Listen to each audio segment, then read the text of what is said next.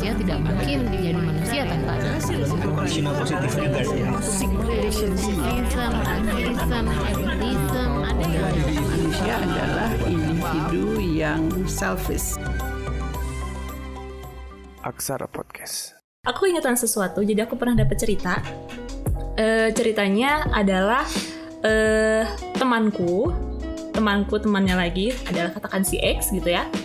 Jadi dia bilang eh, dia mengenal pasangannya sebelum menikah Mm-mm. itu adalah orang yang eh, ya memberikan kebebasan gitu ya, mengizinkan dia untuk bergaul dengan lawan jenis gitu.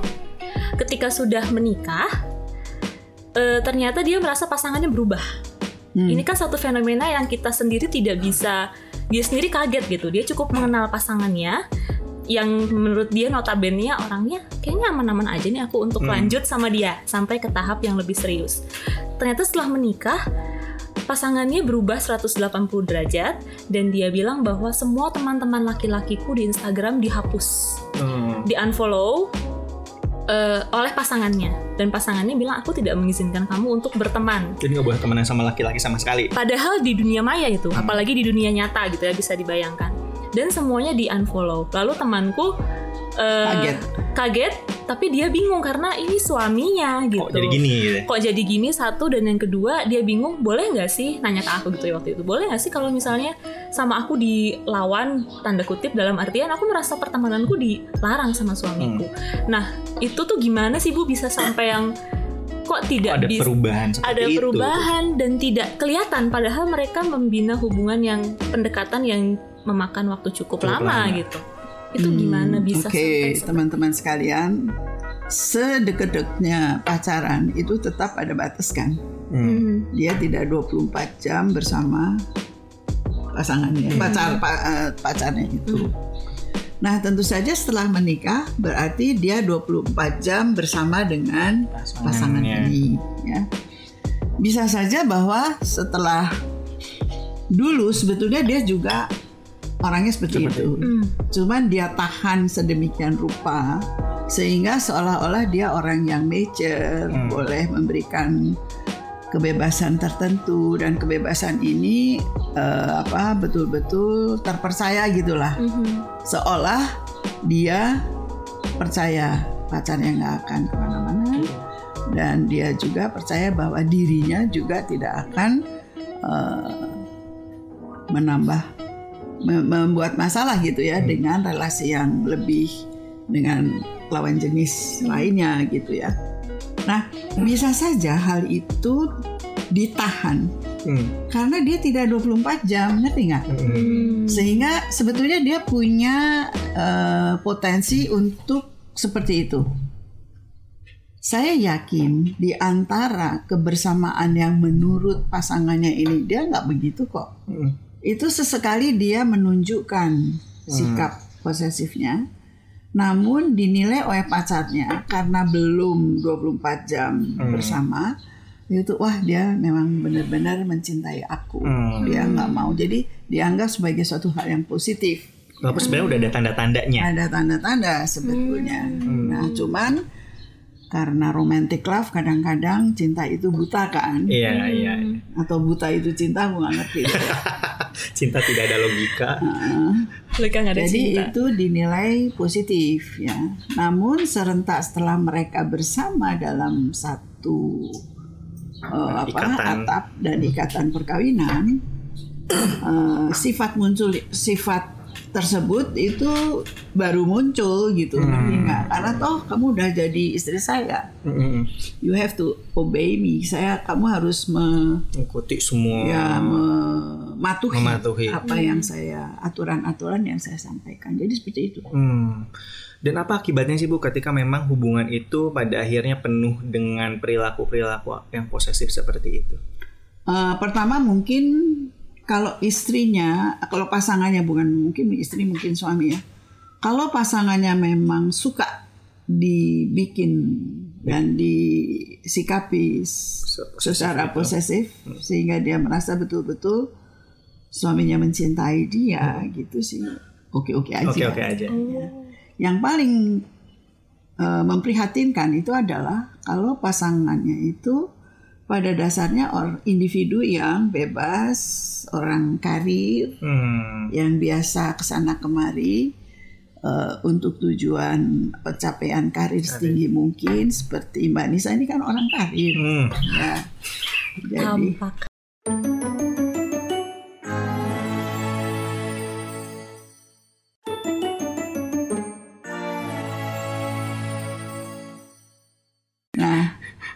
Ini tentu saja mengganggu, ya. Hmm.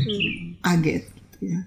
kesel, sudah kaget, kesel, kesel, sebel, Hmm. sebel berantem. Hmm. Karena hubungannya nggak sehat. Nah, saya- Hmm. kalau kemarin kita bahas mengenai attract someone Yeah, someone. and then uh, satu lagi connection Iya. and then relationship. Oke, tapi ini kan sudah sampai ke tahap relationship, Ya. tetapi seolah dia kembali di tahap attract, Attract. you know. Attract. Iya. Heeh. yang membutuhkan uh, proses penyesuaian spesifik gitu Hmm. ya dan proses penyesuaiannya itu seumur hidup loh. Iya, iya. iya. Iya sih, benar-benar. Tapi bisa jadi karena connectionnya juga nggak dalam ya bu ya. Waktu di awal nggak tahu banget orangnya itu seperti apa. Dan biasanya orang yang seperti itu itu pinter berpura-pura ya. Oke deh, gue ikutin sekarang, tapi ntar ya, Oh. gue tahu sendiri kalau udah jadi istriku. Hmm. Oh, tapi jadi pengen nanya lagi bu, kenapa ada orang-orang yang akhirnya bentar deh, tunggu dia sampai jadi istriku. Nah itu itu gimana sih di Sebetulnya dalamnya? ada repress hostile. Oh, Oke, Hmm. apa tuh Anda repress? paham repress hostile? Saya sih insya Allah paham, tapi mungkin pemirsa yang merekamnya tidak paham. Karena anda paham bagaimana sih anda menjelaskan?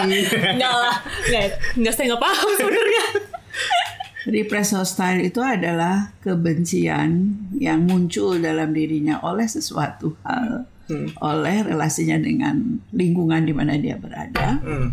Tetapi tidak mungkin dimunculkan karena dia masih pu- belum punya ikatan ikatan resmi atau ikatan spesifik dengan orang yang ada di sekelilingnya. Iya. Oke. untuk kemudian dia pacaran dengan salah satu eh, dari lingkungan tempat dia bergaul ya. Nah di situ dia baru bisa mengungkapkan possessiveness tadi gitu. Karena memang udah ngerasa ini milikku juga sehingga dia bisa mengeluarkan apa yang menjadi tadi repress hostile-nya mungkin. ya. Hmm, jadi hal-hal yang dia tidak sukai saat mereka belum menjalin hubungan khusus itu masuk ke bidang asadar karena depresi itu kan di- defense mechanism yang asadar kan. Iya, nggak sad- nggak Masih ingat? disadari. Hmm. Jadi eh, hal yang tidak sewajarnya itu mendapatkan proses penekanan dalam diri orang tersebut. Unconsciously Hmm. masuk ke bidang unconscious dan itu menjadi hal yang uh, berkembang berdasar pada mekanisme repression. Hmm. ya itu. Jadi, Jadi, hostile Jadi ada rasa marah, kebencian, ketakutan, cuman dia nggak bisa Campur um- aduk. campur aduk. Tapi dia harus tekan dulu ke alam bawah sadarnya karena dia nggak tahu bagaimana harus mengungkapkannya juga mungkin ya Iya. bu ya. dan merasa uh, tidak tidak dia sendiri tahu bahwa itu nggak bagus. Nggak bagus. Ya bagus. Tetapi dia nggak bisa mengendalikan untuk hal itu ada dalam dirinya. Hmm. Nah itu namanya repress. Iya. Dan ketika ada pasangan itu bisa ter uh, Terungkap setelah di situ. menjadi uh, pasangan resminya itu bisa manifest Hmm. dalam bentuk possessiveness kah, uh, dominating, Hmm, mendominan, mendominan si, si istri, sikap otoriter Hmm. yang nggak bisa dilawan. Oh. Istri dalam posisi yang namanya istri kan warga negara kelas 2 kan. Laki-laki kan selalu nomor satu. Nanti ada yang- Nyebelin dah, yang marah nggak budaya. Budaya. Budaya yang menyebalkan wanita. Somehow ya. somehow, Somehow. Oke, dan Tapi, ini juga mungkin tidak cuma terjadi di relasi Iya, pasangan betul. aja, Aku tapi, juga itu tadi. tapi juga mungkin bisa terjadi di relasi-relasi lain kali ya bu, sama orang tua dan anak, di Hmm. mana orang tuanya juga overprotective atau terlalu dominan, atau, Atau dia nggak bisa bersaing dalam dengan saudara yang betul-betul disayangi orang tua, sibling rivalry. Iya, sebenarnya Oh, persaingan antara eh, anak dan saudara adik, saudara juga terjadi sama anak dan orang tua atau mungkin di lingkungan pertemanan dan lingkungan kerja juga bisa terjadi ya Iya. gitu. akhirnya manifest dalam kok dia lebih sayang pada si A padahal lakukan kerja lebih berat daripada si Hmm. A gitu. Iya iya. Itu kan rasa nggak nyaman yang disebabkan oleh karena dirinya sendiri ada konflik-konflik yang belum terselesaikan unfinished Unfinished unfinished Bisnis sama dirinya sendiri Hmm. gitu.